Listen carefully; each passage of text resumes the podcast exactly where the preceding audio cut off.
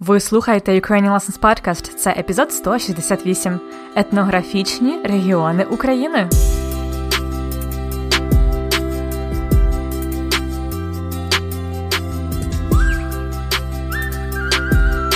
Привіт-привіт! Це Анна і ще один епізод подкасту Уроки української. Подкасту для всіх, хто вивчає і любить українську мову. І сьогодні у нас такий оф-топ, як я розказувала в одному з попередніх епізодів про інтернет-сленг. Я відійду від теми інтернету і сленгу, і сьогодні ми поговоримо більше про українську історію та географію. Так, епізоди п'ятого сезону подкасту будуть на дуже різні теми. І мені насправді надзвичайно допомагає, коли ви, любі слухачі подкасту, ділитесь своїми ідеями, побажаннями, які вам теми цікаві, які ні, про що записувати нові епізоди. Так, е, я пам'ятаю, що саме ви порадили мені записати епізод про ютуб канали українською мовою, про моє життя у Швеції, також е, епізод про сленг. Тому я завжди чекаю ваших ідей і побажань. Пишіть мені на Фейсбуці, в нашій групі Ukrainian Learners або на пошту Анна Собачка ukrainianlessons.com. А сьогоднішній епізод про історію, про географію. Багатьох з вас е, такі теми цікавлять також, правда? Нещодавно я почула, як хтось е, розповідав про Слобожанщину, і подумала, що ви можете і не знати, що це таке. Слобожанщина це назва регіону України, але це не область, а історико-етнографічний регіон або просто етнографічний регіон. Отже, Погляньмо сьогодні, які є етнографічні регіони України. Готові починати?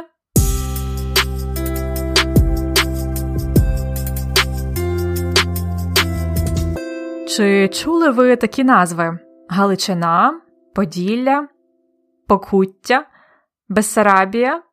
Можливо, деякі чули, а деякі ні, правда? Це етнографічні регіони України. Тобто в Україні є адміністративні регіони, тобто області, а є етнографічні регіони. Вони пов'язані з історією України, з діалектами та культурою людей, які там живуть. Насправді, поділ на області в Україні досить штучний. Наприклад, візьмімо мою область, Хмельницьку область. На півночі Хмельницької області, де я народилась, культура і мова людей відрізняються від, е, наприклад, е, людей на півдні Хмельницької області.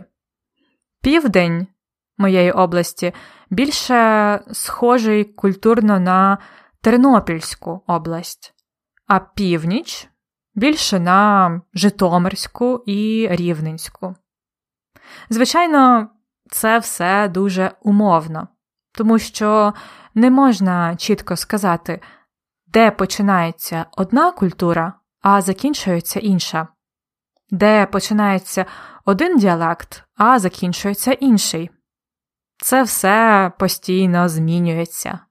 Тому етнографічні регіони України умовні і мінливі, тобто неточні, і вони з часом змінюються. А тепер погляньмо, які вони є етнографічні регіони. До речі, на сторінці цього епізоду ви можете побачити карту цих регіонів. Це ukrainianlessons.com slash episode 168. Там є карта етнографічних регіонів. А зараз почнімо з заходу, а саме з Карпат, найбільших гір України. Карпати поділяють на три регіони: Прикарпаття, Закарпаття і, власне, Карпати. Звичайно, Прикарпаття це регіон перед Карпатами, і переважно це Івано-Франківська область. А Закарпаття це регіон за Карпатами. І тут навіть назва області така сама Закарпатська область з центром у місті Ужгород. Як ви можете розуміти, регіон, який відділений від решти України горами, досить особливий. Закарпатська культура справді досить сильно відрізняється від решти України. Тому дуже раджу вам побувати на Закарпатті.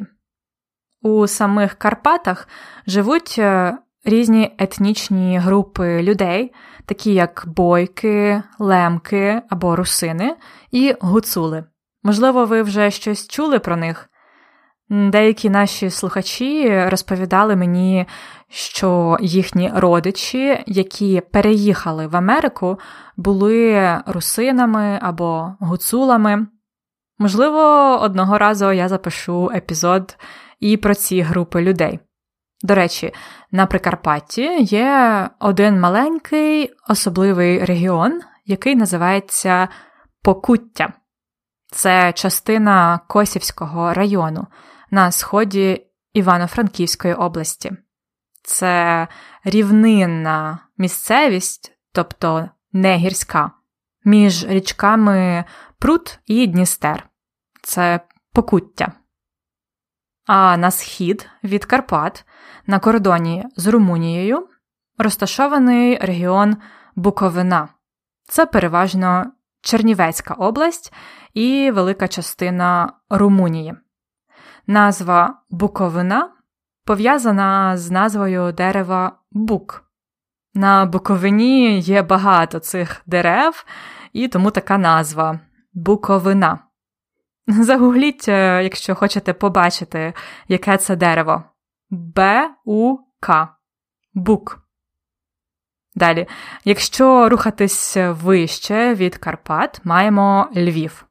Навколо Львова, і навіть включно з деякими територіями Польщі, маємо регіон Галичина. Крім Львова, це такі міста, як Дрогобич, Трускавець, Стрий, Тернопіль. Раніше столицею цього регіону було місто Галич, тому і назва Галичина. Також, е, можливо, ви чули, що Галичина колись утворювала велику середньовічну державу Галицько-Волинське князівство. Галицько-Волинське князівство, тому що, крім Галичини, туди також належав інший регіон України Волинь. Волинь розташована на північному заході України. Але дивіться, Волинь це не тільки Волинська область з містом Луцьк, це також майже вся Рівненська область, північ Тернопільської і північ Хмельницької областей. Є багато версій про походження назви Волинь, але скоріше за все, це слово походить від слова вологий, вологість, тому що на Волині є багато води, річок і боліт, води. До речі, крім українських територій, до Волині також належать частини Польщі та Білорусі.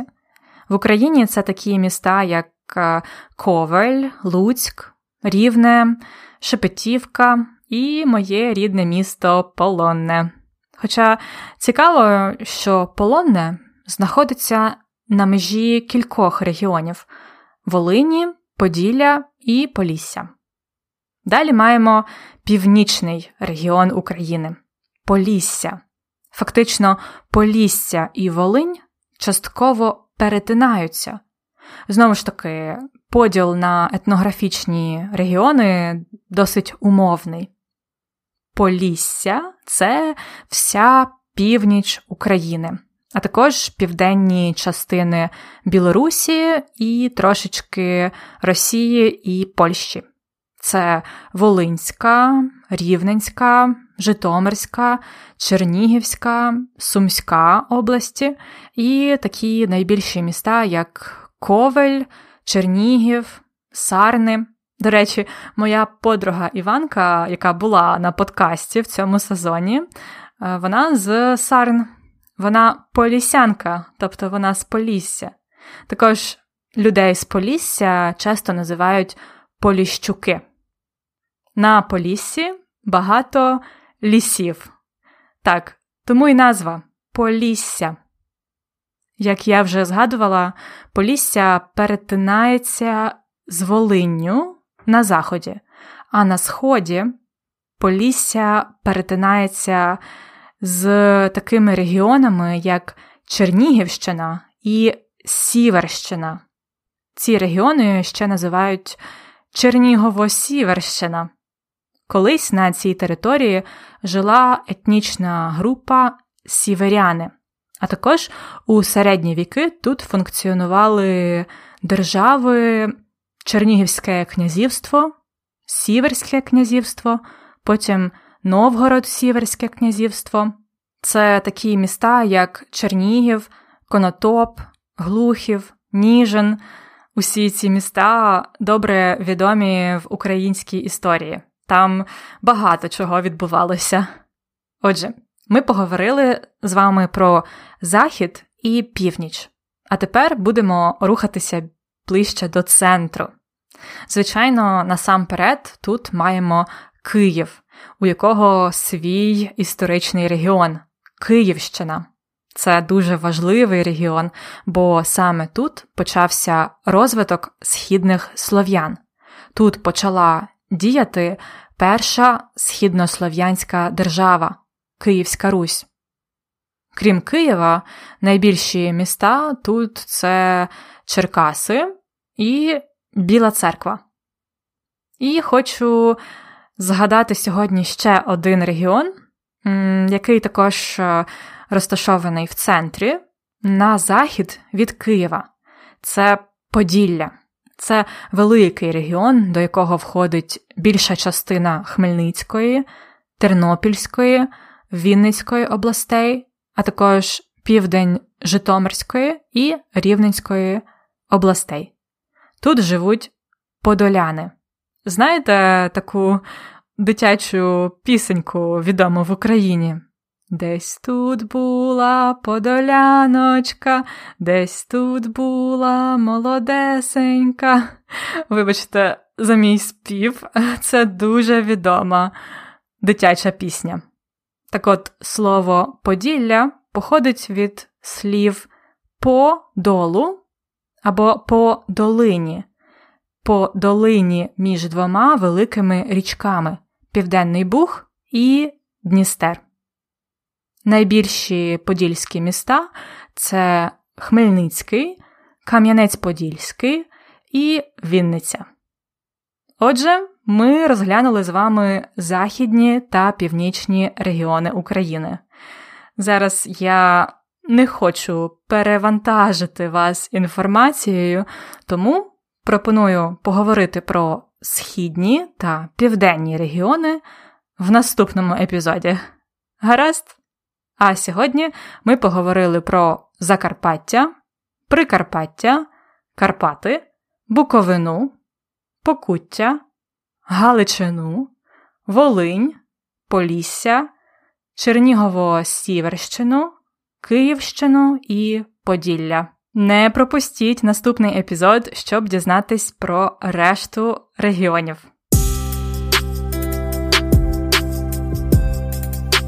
Десять корисних речень. У цій рубриці я вибираю для вас 10 речень з моєї розповіді і розглядаю їх детальніше.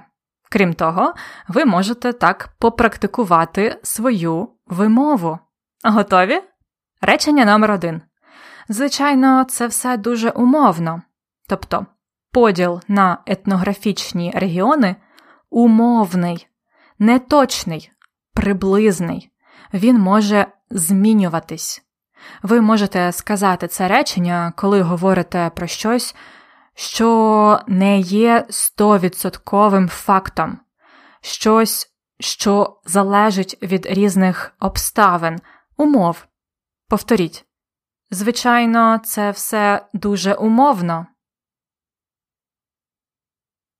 Речення номер 2 Карпати поділяють на три регіони Прикарпаття, Закарпаття і, власне, Карпати.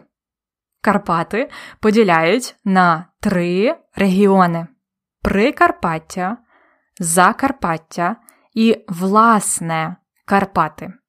Власне Карпати. Тобто я спочатку сказала велике поняття Карпати, а потім більш вузьке. Тому я сказала власне Карпати. Повторіть ще раз частинами. Карпати поділяють на три регіони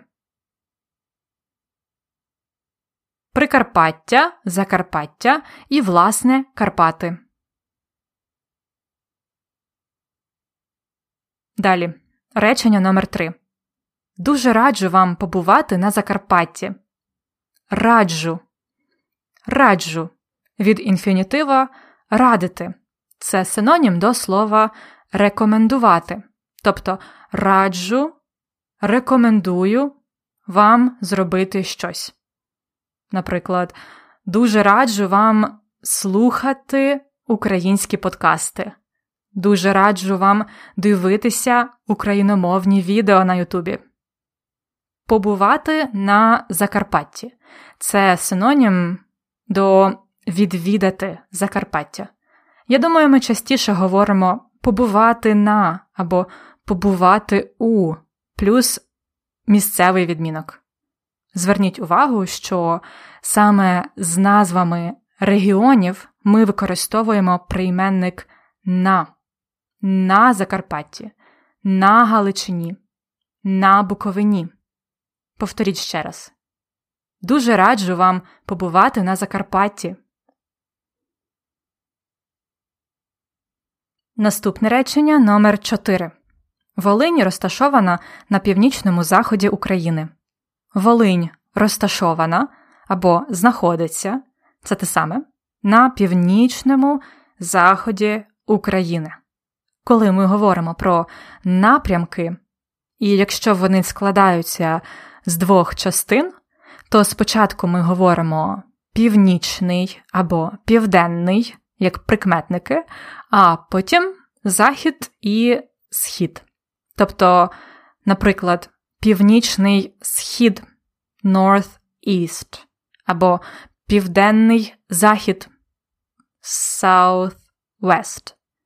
І в місцевому відмінку це буде на північному сході, на південному заході. Зверніть увагу на чергування схід на сході, захід на заході. В конспекті уроку буде таблиця і вправа на тему напрямків. А зараз повторіть: Волинь розташована на північному заході України. Наступне п'яте речення. Є багато версій про походження назви Волинь. Є багато версій. Версія це теорія про походження назви Волинь. Походження назви чи слова це звідки слово походить, тобто звідки воно взялося, як воно утворилося, про історію цього слова. Повторюйте за мною. Є багато версій про походження назви Волинь. Наступне шосте речення. Цікаво, що полонне знаходиться на межі кількох регіонів. Полонне знаходиться або розташоване на межі кількох регіонів. Межа це лінія поділу. Ми говоримо перетнути межу. Це коли хтось зробив щось, що не треба було робити щось, що є занадто. Так само англійською буде to cross the boundary перетнути межу. Так от, полонне знаходиться на межі кількох регіонів. Повторіть ще раз. Цікаво, що полонне знаходиться на межі кількох регіонів.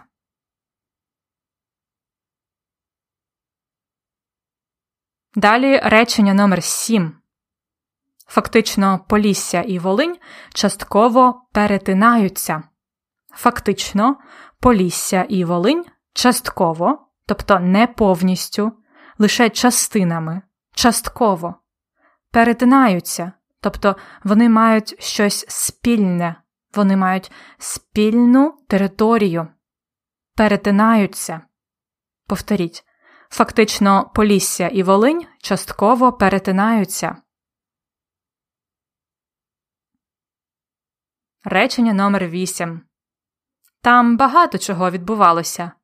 Це я маю на увазі в таких містах, як е, Ніжин, Глухів, Чернігів. В історії там багато чого відбувалося. Тобто там багато було різних подій. У теперішньому часі буде там багато чого відбувається. Наприклад, на Майдані Незалежності в Києві завжди багато чого відбувається. А тепер повторіть в минулому часі. Там багато чого відбувалося. Наступне речення номер 9 Це дуже відома дитяча пісня. Пісня Подоляночка, яку я намагалася заспівати, це дуже відома дитяча пісня. Пісня для дітей. Дитяча. Так само, наприклад, дитяча книжка, дитячий одяг. Повторіть, це дуже відома дитяча пісня. І останнє речення. Я не хочу перевантажити вас інформацією. Перевантажити, перевантажувати це давати занадто багато вантажу або в переносному значенні обтяжувати когось, давати комусь занадто багато роботи або, в цьому випадку, інформації, перевантажити плюс орудний відмінок. Повторіть, я не хочу перевантажити вас інформацією. І це все на сьогодні. Не забудьте зайти на сторінку епізоду, щоб побачити карту етнографічних регіонів України. Так ви будете краще в них орієнтуватись. Це ukrainianlessons.com, риска, епізод 168. За цим посиланням ви також знайдете більше інформації про нашу преміум підписку, якщо ви ще її не оформили. Підписка містить конспекти уроків і картки з реченнями. У конспектах є повні транскрипти епізодів, тобто тексти всього, що ви зараз чуєте, а також переклад складних слів, списки речень та вправи для практики. Щоб дізнатися більше про преміум, переходьте за посиланням ukrainianlessons.com episode 168. Всього вам найкращого! Гарного дня! На все добре!